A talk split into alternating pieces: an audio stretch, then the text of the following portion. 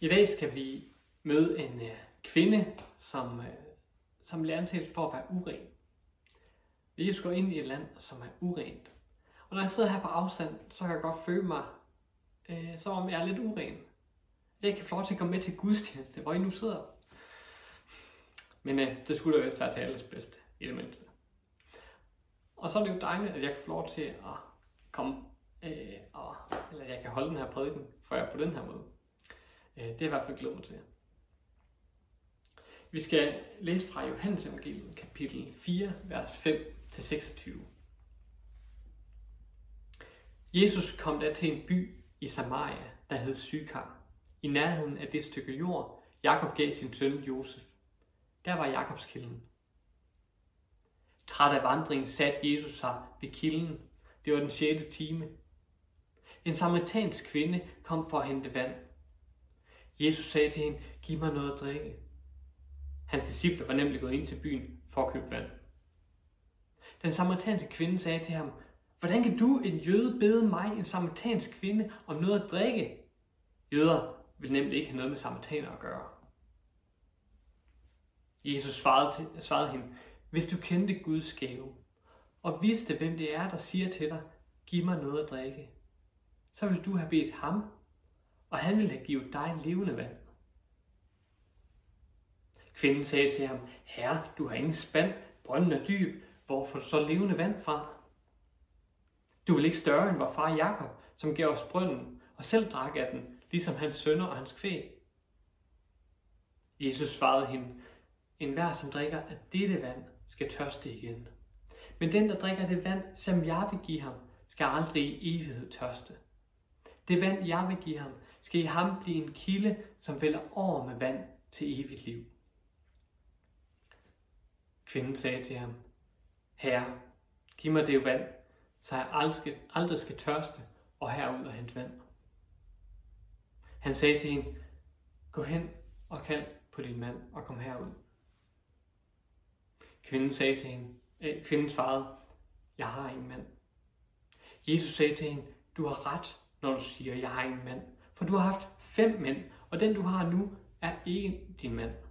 Der sagde du noget sandt. Kvinden sagde til ham, Herre, jeg ser du en profet. Hvor fædre har tilbedt Gud på dette bjerg. Men I siger, at stedet, hvor man skal tilbede, er i Jerusalem.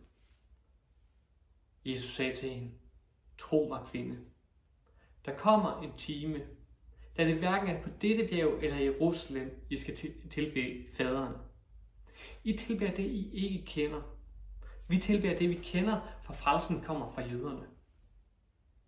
Men der kommer en time, ja den er nu, da de sande tilbedere skal tilbede faderen i ånd og sandhed. For det er sådanne tilbeder, faderen vil have. Gud er ånd, og de, som tilbeder ham, skal tilbede i ånd og sandhed. Kvinden sagde til ham, jeg ved, at Messias skal komme, det vil sige Kristus. Når han kommer, vil han fortælle os alt. Jesus sagde til hende, det er mig, der taler til dig.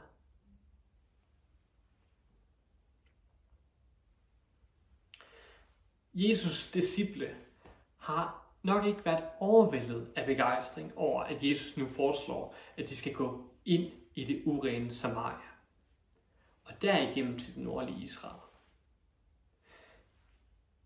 Man kan godt forestille sig, at øh, nogle jøder vil, vil godt kunne dresse sig igennem landet, men øh, distriktsjøder vil helt sikkert være gået udenom en lang omvej.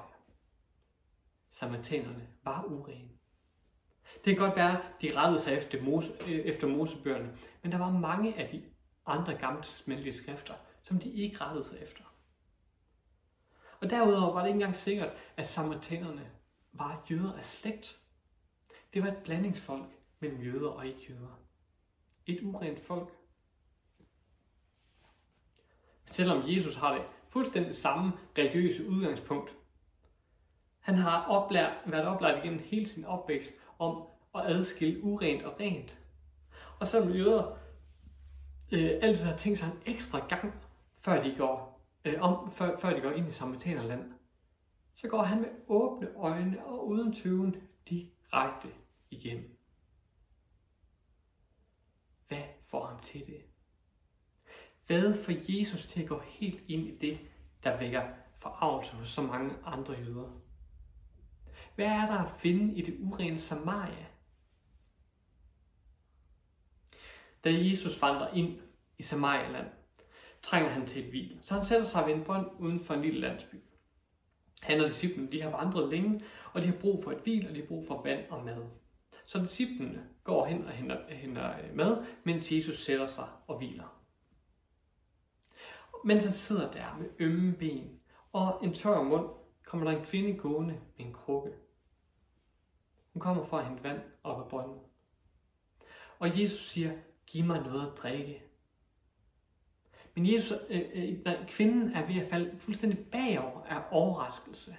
For hvordan i verden kan en jøde, som altid har anset hende for at være uren, hvordan kan han snakke med hende? Og udover det, så vil han også have hendes hjælp. Hvordan kan det være, at han, nu når alle andre jøder ikke vil, hvordan kan det være, at han gerne vil snakke med hende? Hvad får Jesus til at bryde de religiøse normer? Hvad får ham til at møde et menneske, der er ikke noget værd i hans med, medjøders øjne? Hvad er der særligt at finde hos hende her kvinde i Samaria?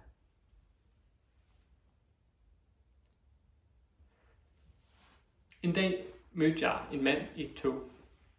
Han fortalte om, at han i flere år havde været i gang med et projekt, hvor han havde hjulpet hjemløse og misbrugere. Han havde forsøgt at få dem på ret kurs igen. Men efter flere års hårdt arbejde var han stoppet. Det var simpelthen blevet for hårdt for ham. Der var for lidt, der rykkede. Han kæmpede for de her mennesker, men der skete, skete simpelthen alt for lidt med dem. Selv når nogen viste fremgang i et stykke tid, så faldt de igen. Og nogle af dem faldt endda længere ned, end de, end de var i forvejen. Der var for få, der begyndte at ændre deres liv. Der var få, der brød ud af misbrugen, ud af hjemløsheden og ud af deres vanskelige liv. Det var håbløst. Og det er virkeligheden, som, som vi kan erfare. Den erfaring af, at der er nogle former for mørke i den her verden, der er så, der er så voldsomt fattige mennesker, at alt håb synes at være slukket. Håbet til menneskers forandring, håbet om forvandling af menneskers livssituation, kan så let mistes i mødet med den virkelige verden. Man kan blive ramt af tanken, er det det værd? Er der håb for de her mennesker? Da Jesus snakker om kvinden, forstår hun ikke rigtigt, hvad han mener. Han siger, hvis du, Jesus siger, hvis du kendte Guds gave, altså Jesus selv, og vidste, hvem det er, der siger til dig, giv mig noget at drikke, så vil du have bedt ham, og han vil give dig levende vand. Kvinden forstår det som om, at Jesus i stedet for at modtage vand af hende, selv vil hente vand op til både hende og ham. Og det er jo også sødt af ham, men Jesus han har jo noget helt andet i tankerne. Han siger til hende, en hver som drikker af det her vand og peger ned i brønden, skal tørste igen. Men den, der drikker af det vand, jeg skal give, skal aldrig i evighed tørste. Det vand, jeg vil give, skal i dig blive en evig kilde, som vælger over med vand til evigt liv. Men hendes svar tyder på, at hun stadig ikke helt har fanget den. Men det er så småt begyndt at dæmme Hun kommer i hvert fald i kontakt med, at der er noget, hun gerne vil have her i Jesus. Herre, giv mig det vand, så jeg skal tørste og gå herud og hente vand. Man troede lige, at nu var den der, men hun bliver ved med at snakke om det her konkrete vand nede i brønden. Hun er stadig fokuseret på det her lille problem, som handler om, at hun hver eneste dag skal ud og hente vand. Jeg har ikke så tit problemer med at skulle ud og hente vand. Det er bare i vandhænden. Men jeg rammet ofte af mange andre dagligdags bekymringer, som fuldstændig kan komme til at tage blikket fra de større problemer, som Jesus vil hjælpe mig med. Jeg kan bede for lige det her oplæg til at lykkes. Lad os få en hyggelig aften. Lad os sove godt i nat. Og det er jo fantastiske dagligdagsbønder.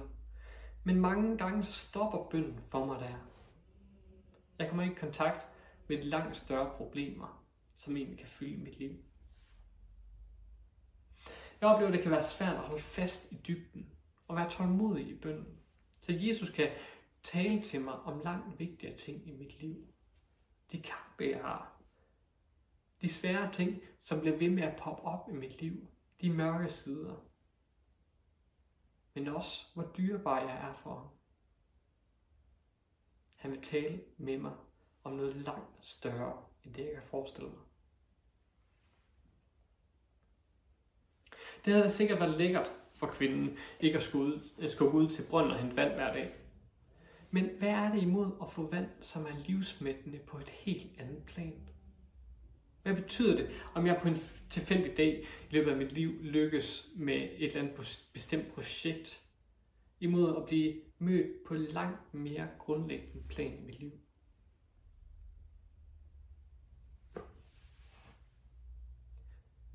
Hvad gør Jesus så, når vi mennesker ikke kan holde øh, øjnene rettet mod det, der virkelig betyder noget?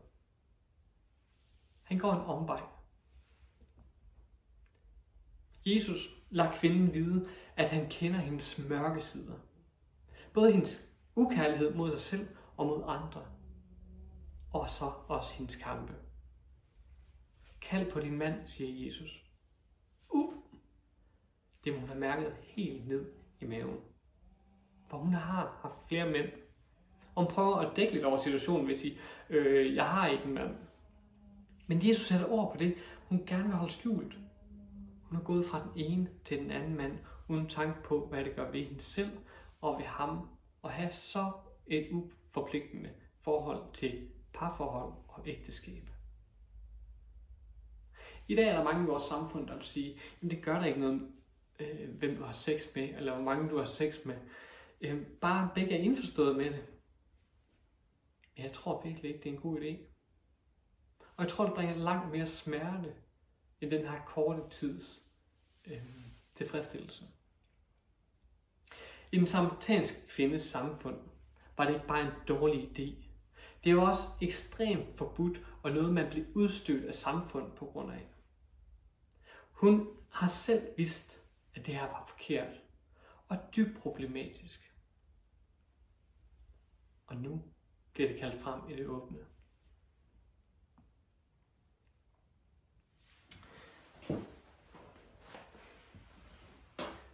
Her er et lidt anderledes billede af kvinden og Jesus ved brønden. Den havde den hvide buket. Her er kvinden afbildet helt i sort. Hun har et blegt ansigt, og hendes øjne er vendt nedad og indad. Hun ligner en, som bærer på en stor smerte. Det her det er ansigtet på en, der har mistet håbet. Hun mister troen på, at det nogensinde skal blive anderledes for hende. Måske har hun bevæget sig fra den ene til den anden mand for at finde bekræftelse i, at hun er noget værd. Men hun ligner ikke en, der har fundet ud af det. Hun erfarer ensomhedens smerte og skammens smerte. Smerten over at blive kigget skævt til af de andre. Smerten over selv at bære sin kamp og nederlag. Smerten over at se sig selv. Ikke som menneske, men som lus. I bogen Forbrydelse og straf af Fyodor Dostojevski har hovedpersonen Raskolnikov øh, dræbt en gammel og ondskabsfuld kone. Overfor den altid gode og selvforglemmende Sonja forsøger han at forsvare drabet på den her måde.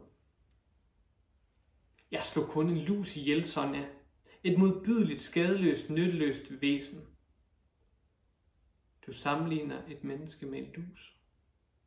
Nå ja, jeg ved godt, at et menneske ikke er en lus, svarede han og kiggede så mærkeligt på hende. Kvinden ser sig selv som en lus. Hun har ingen værdighed tilbage, og hun kan ikke finde nogen steder. Det eneste, der er tilbage, er selvfagt. På billedet er der også en dyb blå øh, farve under hendes bryst. Er det hjertet, der lyser op? Er det et længselsflakkende lys? Eller er det en afspejling af ønsket om at bryde ensomheden, smerten de her ødelæggende og smertefulde blikke.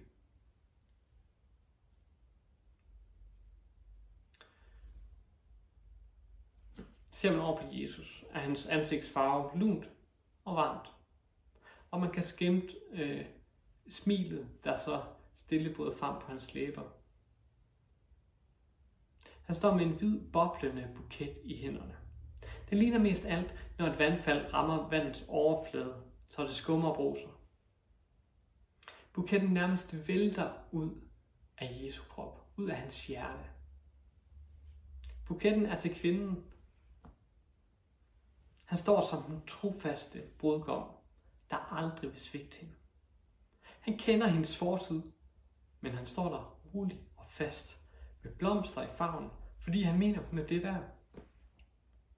Fra Jesus og buketten sendes i midten en gnist afsted, og den svæver over mod kvinden. Hvad må der sker, når den rammer kvindens bryst? Det dæmrende lys. Kan det løsne hendes smerte? Kan det bryde hendes ødelæggende tanker om sig selv? Kan det bryde hendes ensomhedsfølelse? Og kan det bryde ukærlighedens mørke i hendes indre?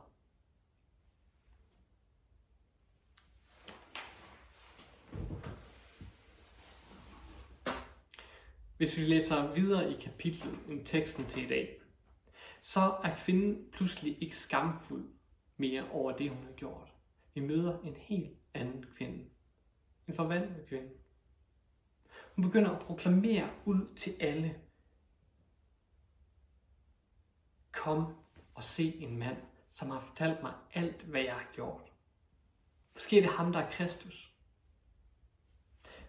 Der er godt nok langt fra en kvinde på det her billede, og så til en kvinde, der render rundt i hele byen og fortæller alle, der gerne vil høre på det, om forfærdelige ting, som hun har gjort i sit liv. Hvad er der lige sket? Kom og se en mand, som har fortalt mig alt, hvad jeg har gjort. Hvad får hende til det? Hvad har ændret sig? Gnisten har antændt hendes hjerte. Den har genstartet hendes hjerte. Hun har forstået det. Det er gået op for hende, hvad der har fået Jesus til at forvilde sig ud i det her urene område, ud i Samaria. Hun er blevet klar over, hvordan han, hvorfor han har stoppet ved hendes brønd. Hun har forstået, hvorfor Jesus uden at blinke tilbyder hende levende vand. Vand, der flyder over til evigt liv. Først troede hun, Jesus var en profet, fordi han kender sandheden om hendes liv. Men kort tid senere har hun og Jesus den her samtale. Det afslutter det, vi har læst i dag. Jeg ved, at Messias skal komme. Når han kommer, vil han fortælle os alt. Jesus sagde til hende, det er mig, den der taler til dig.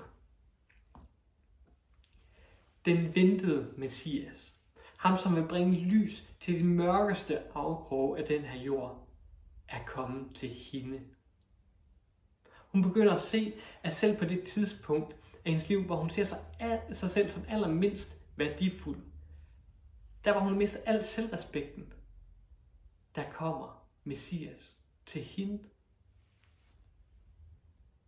Messias, Jesus, står over for hende med et mildt og kærligt smil og tilbyder sig selv midt ind i hendes brudte liv, uværdige liv, smertefulde liv, mørke liv. Det er en kærlighedserklæring. Han gik ind i det urene Samaria, fordi hun ikke er, et er en lus, men et elsket menneske. Han stoppede ved brønden, fordi han slet ikke kunne lade være med at overøse hende med gode gaver. Han talte sandt om hendes liv, fordi han godt vidste, at han en dag ville hænge på et kors og tage skylden for det. Han gik ind i Samaria for at finde frem til hende. Hun er umistelig for ham. Mange jøder havde glemt, at Gud var sådan.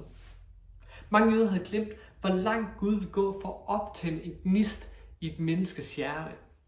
De havde glemt, at et hvert menneske, menneske er fuldstændig umistelig for Gud. Gud udvalgte jøderne. De var et særligt udvalgt folk. Men mange af dem havde glemt formålet med det. Hvor mange steder står der ikke i de gamle skrifter, og særligt i salmernes bog, at folkeslagene skal komme og lovprise Gud. Altså dem, der ikke er jøder. Hvor mange gange siges det ikke, at hele jorden skal lovprise Gud? Gud udvalgte ikke et folk, for at de skulle komme, for at de skulle lukke sammen sig selv. Men for at de skulle oplyse hele verden om Guds godhed og hans hellighed og hans nærvær i den her verden. Jesus fortæller kvinden, frelsen kommer fra jøderne. Og det var det, der var meningen fra begyndelsen. At hele jorden skulle velsignes igennem det her ene folk, det var Guds masterplan. Det var formålet. Og nu gennemfører Jesus det formål. Han gennemfører formålet, som Jesus, altså Gud har haft fra begyndelsen, om at bringe håb værdighed til et hvert menneske i den her verden. Og det gør han ved at gå ind til en kvinde i et urent land. Til en kvinde, der ser sig selv som uren. Til en kvinde, som bliver anset for at være uren. Han vender tilbage til Guds oprindelige plan om at bringe liv, Guds kærlighed og sandhed til alle mennesker.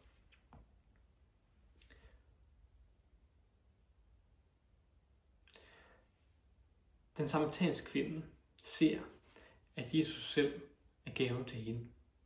Hun indser, at han selv er det livgivende vand, der er kommet for at møde hende i hendes længselsfulde tørst. Han fordriver hendes negative tanker om sig selv ved at se hende med uendelig værdi.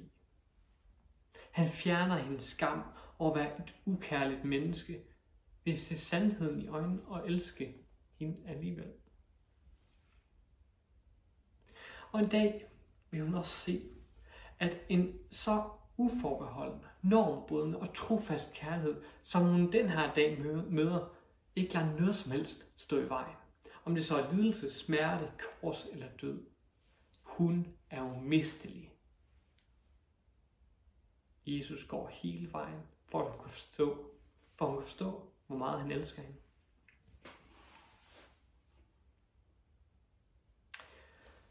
Jesus står i dag foran os. Glædens Herre står foran os. Han går ind i det, der er urent hos os, eller det, vi der tror, der er urent hos os selv. Der, hvor vi ikke elsker, som vi burde. Der, hvor vi har mistet selvrespekten og erfarer skammens smerte.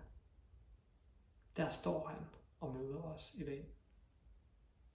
Og mens han ser, hvem jeg er, og alt hvad jeg har gjort, siger han, jeg elsker dig. Det betyder, at der ikke er et menneske på den her jord, som ikke er uvurderlig for Gud og umistelig for Gud. Det betyder også, at du er værd at elske. Ingen anden har vist det i så høj grad som Jesus.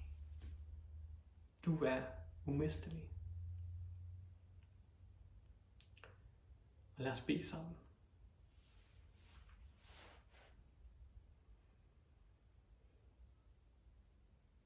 Jesus, tak, fordi du møder os i vores uværdighed. Der hvor vi har dårlige tanker om os selv, os selv. Der hvor vi kan miste selvrespekten. Der, vi kan, der hvor vi kan slå os selv i hovedet, fordi vi ikke tror, vi kan finde ud af noget. Der møder du os med din kærlighed og glæden over os. Du står med en buket i hånden og tilbyder til os alle sammen. Tak fordi du også møder os i vores skyld. Der hvor vi tror forkert. Der hvor vi behandlede andre dårligt. Tak fordi at du også møder os der i dag. Og endnu en gang står med de kærlige smil og udstrækte arme. Her vi bekender det for dig. Vi bekender skylden og vi lægger alt det skjulte frem for dig. Her tak, fordi vi er umistelige for dig. I Jesu navn. Amen.